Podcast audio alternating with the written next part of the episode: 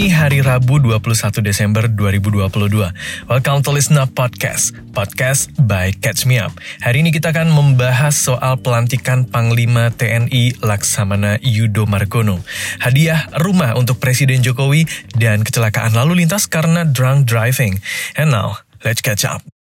Demi Allah saya bersumpah Demi Allah saya bersumpah bahwa saya bahwa saya akan setia kepada akan setia kepada Negara Kesatuan Republik Indonesia Negara Kesatuan Republik Indonesia yang berdasarkan Pancasila yang berdasarkan Pancasila dan Undang-Undang Dasar dan Undang-Undang Dasar Negara Republik Indonesia Negara Republik Indonesia tahun 1945 tahun 1945 serta akan menjalankan serta akan menjalankan segala peraturan perundang-undangan segala peraturan perundang-undangan dengan seluruh-seluruhnya. dengan seluruh-seluruhnya. Demi dharma bakti saya demi dharma bakti saya kepada bangsa dan negara kepada bangsa dan negara bahwa saya bahwa saya dalam menjalankan tugas jabatan dalam menjalankan tugas jabatan akan menjunjung tinggi etika jabatan, akan menjunjung tinggi etika jabatan, bekerja dengan sebaik-baiknya, bekerja dengan sebaik-baiknya, dan dengan penuh rasa tanggung jawab. dan dengan penuh rasa tanggung jawab. Bahwa saya Bahwa saya akan menjunjung tinggi sumpah prajurit, akan menjunjung tinggi sumpah prajurit. Senin kemarin, Laksamana Yudo Margono resmi dilantik sebagai Panglima TNI yang baru, guys. Sebagai pemimpin TNI yang baru, banyak PR Laksamana Yudo ini. Mulai dari masalah Papua sampai kedaulatan Laut Indonesia. Iya, as we all know, Panglima TNI sebelumnya, Jenderal Andika Perkasa, bakal memasuki masa pensiun per hari ini. Nah, sebagai penerusnya, beberapa waktu lalu, Presiden Joko Widodo udah bersurat ke DPR RI dan merekomendasikan Kepala Staf TNI Angkatan Laut aka KSAL Laksamana Yudo Margono untuk naik jadi Panglima TNI. Berproses tuh di DPR mulai dari menjalankan fit and proper test terus disetujui sama DPR. Sebagai tahap akhir, akhirnya kemarin lewat keputusan Presiden nomor 91 garis miring TNI garis miring 2022 Laksamana Yudo dilantik sama Presiden Joko Widodo di Istana Negara. Congrats ya Pak.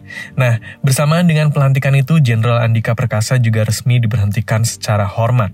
That being said, Jenderal Andika yang udah setahunan ini jadi pemimpin para TNI seluruh Indonesia bakalan memasuki masa pensiunnya dengan tenang. Nah, selama setahun ke belakang, banyak tuh legacy kebijakan yang udah dibikin Jenderal Andika Perkasa. Adapun yang paling rame dari kebijakannya Jenderal Andika Perkasa adalah mengizinkan keturunan anggota PKI untuk daftar jadi prajurit TNI. Well, in case kamu skip, sesuai yang diatur dalam TAP MPR nomor 27 tahun 1996, legit mengatur kalau ideologi komunis, Marxis, dan Leninisme ini dilarang di Indonesia. Tapi little did know ternyata aturan ini juga dijadikan landasan buat keturunan para anggota PKI yang juga nggak boleh jadi prajurit TNI. Ini yang kemudian nge-trigger Jenderal Andika. Dasar hukumnya dari mana? Apa yang dilanggar sama para keturunan beberapa generasi setelah kejadian 1965 ini? Gitu. Makanya per April kemarin, kebijakan ini pun diupdate. Gak cuma itu, masih banyak kebijakan lain yang dilakukan guys. Kayak menghapus tes renang untuk seleksi masuk karena dianggap nggak fair, dan mengubah tinggi badan calon prajurit uh, jadi 160 cm untuk pria dan 155 cm untuk wanita. Masalah konflik Papua juga dibenahi sama beliau guys. Iya, beliau mengubah pendekatan di konflik Papua supaya tupoksi TNI di sana dari yang angkatan darat, angkatan udara sama angkatan lautnya balik ke tupoksi organik. Plus satgasnya juga disamain kayak satgas di wilayah lain. Tujuannya ya biar masyarakat di Papua bisa berkegiatan secara normal. Walaupun pada kenyataannya konflik emang nggak bisa dihindari sampai menewaskan beberapa kelompok masyarakat di sana.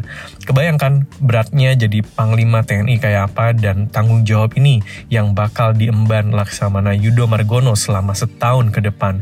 Makanya dalam keterangan kemarin, Presiden Joko Widodo menyampaikan begini. Menjaga yang paling penting menjaga netralitas TNI agar tidak ketarik-tarik dalam politik politik praktis Yes, menjaga netralitas TNI. Hal ini penting salah satunya agar TNI bisa tetap menjaga kepercayaan rakyat. Since selama ini TNI udah jadi lembaga yang paling dipercaya sama rakyat. Ya harusnya trust ini dijaga dengan profesionalisme yang juga makin ditingkatkan. Jangan sampai gara-gara nilas titik rusak susu sebelanga. That being said, sepak terjang Laksamana Yudo sangat kita nantikan. Adapun sejauh ini udah banyak sih hal-hal yang mau dilakuin sama Laksamana Yudo ini sebagai Panglima TNI. Salah satunya of course masalah konflik Papua tadi. Disampaikan langsung oleh beliau. Bersama dengan Kepala Staf Angkatan untuk melihat secara nyata apa sih sebenarnya yang terjadi di sana. Masukan-masukan juga dari para prajurit yang di lapangan, juga dari pemerintah daerah, juga dari tokoh-tokoh masyarakat, tokoh agama. Apa yang harusnya kita, tentunya kan perlu eh, pendekatan yang di lapangan ini apa yang ada di sana. Jadi nggak harus langsung belum-belum sudah diputuskan apa nanti saya memutuskan, nah belum memutuskannya setelah saya cek dulu baru nanti saya laporkan Pak. Kalau udah baru deh tahu apa yang kudu dilakukan. Hasilnya nanti baru dilaporkan ke presiden, kata Laksamana Yudo. Tapi ini nutshell, Laksamana Yudo maunya penanganan konflik Papua ini dilakukan dengan lebih humanis, gengs. Salah satu milestone-nya adalah dengan menonjolkan operasi teritorial. Rather than operasi militer dan consider pengaturan prajurit di Papua. But still, Laksamana Yudo juga meng-highlight pihaknya tetap bakalan tegas sesuai dengan hukum yang ada. Hal ini juga sesuai dengan amanat Presiden Jokowi. Tetapi harus tegas katanya. Ngelihat selama ini kelompok kriminal bersenjata aka KKB masih bergerilya di sana.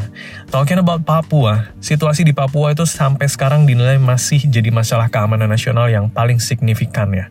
Makanya kudu diberesin as soon as possible. In that sense, TNI bakalan dibantu sama Kementerian Koordinator Politik Hukum dan Keamanan. Yap, dikonfirmasi langsung oleh Menko Polhukam Mahfud MD. Kemenko Polhukam barengan sama TNI bakalan segera membahas masalah ini, gengs. Jadi dari langkah-langkah kebijakan yang kemarin udah dijalankan sama Panglima TNI sebelumnya plus Kapolri, pihak terkait bakalan koordinasi lagi what to do and how they do it-nya.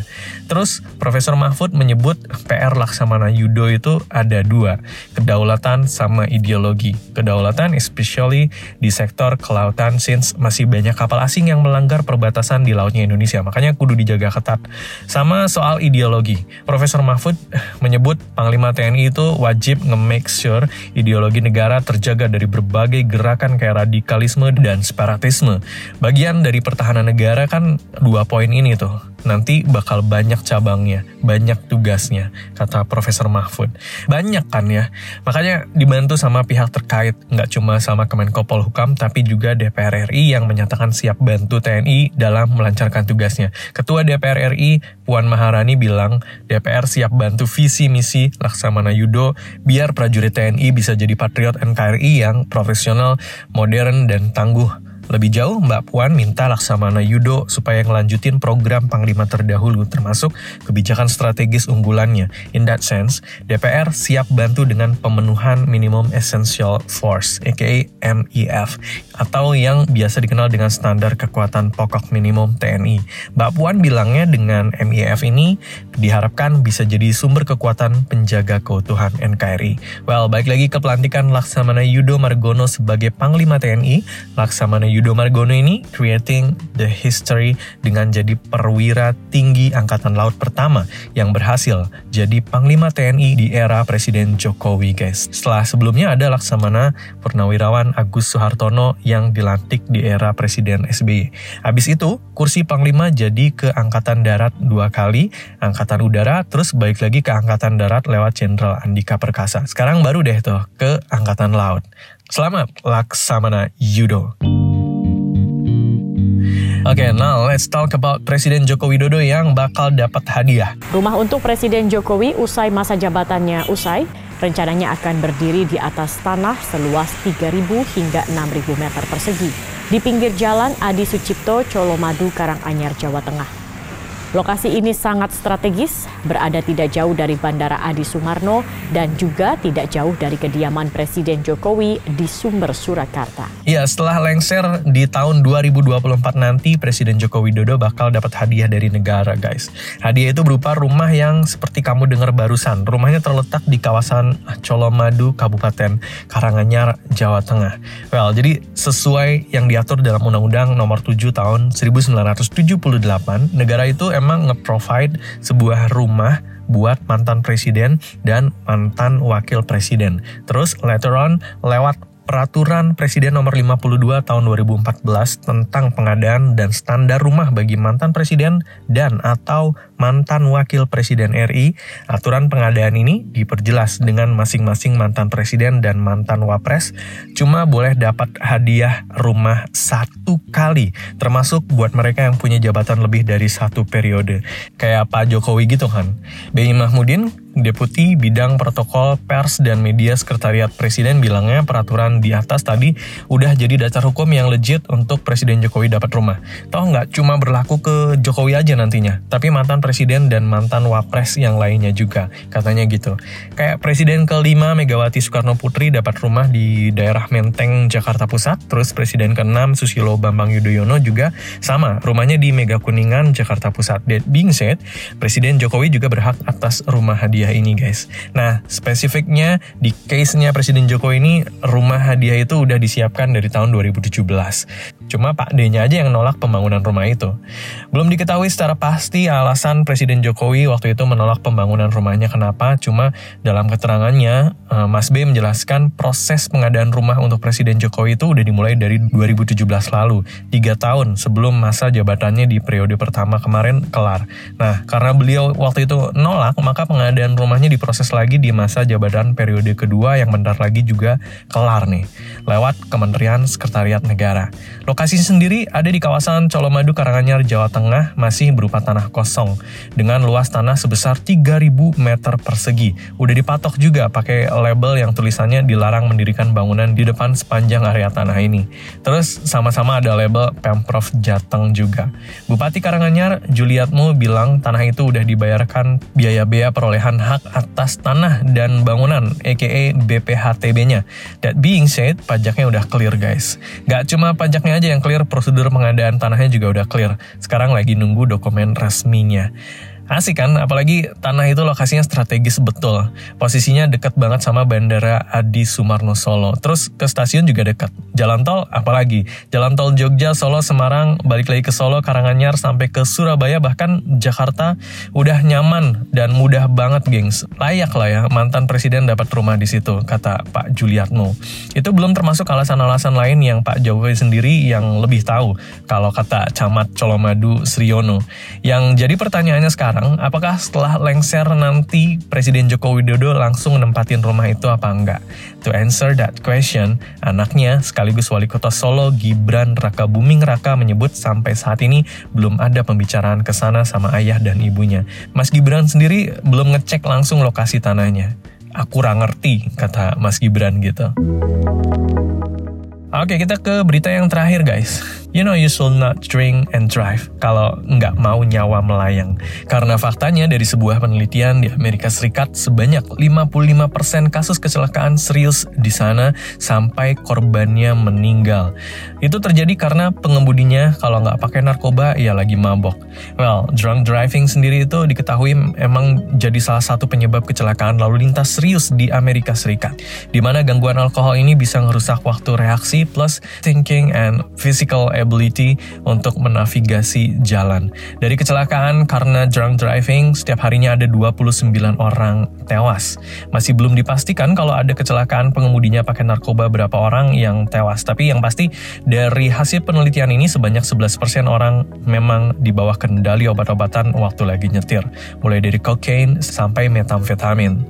Meskipun belum digeneralisir secara populasi nasional, tapi para peneliti bilangnya dari hasil penelitian ini, mereka justru ke-trigger untuk cari tahu upaya pencegahan seperti apa yang bisa dilakukan dan penanggulangannya kayak apa. Last but not least, kecelakaan karena mabok atau narkoba itu 100% bisa diatasi guys. Nggak ada alasan kamu untuk drunk driving. Kamu pun bisa dikenakan hukuman kalau sampai melakukan hal itu. Kayak kasus yang udah-udah yang kamu juga tahu sendiri. So, dear respectable drivers, do we have a deal? Oke, itu dia untuk listen up episode kali ini. Sampai ketemu lagi di episode selanjutnya. Bye now.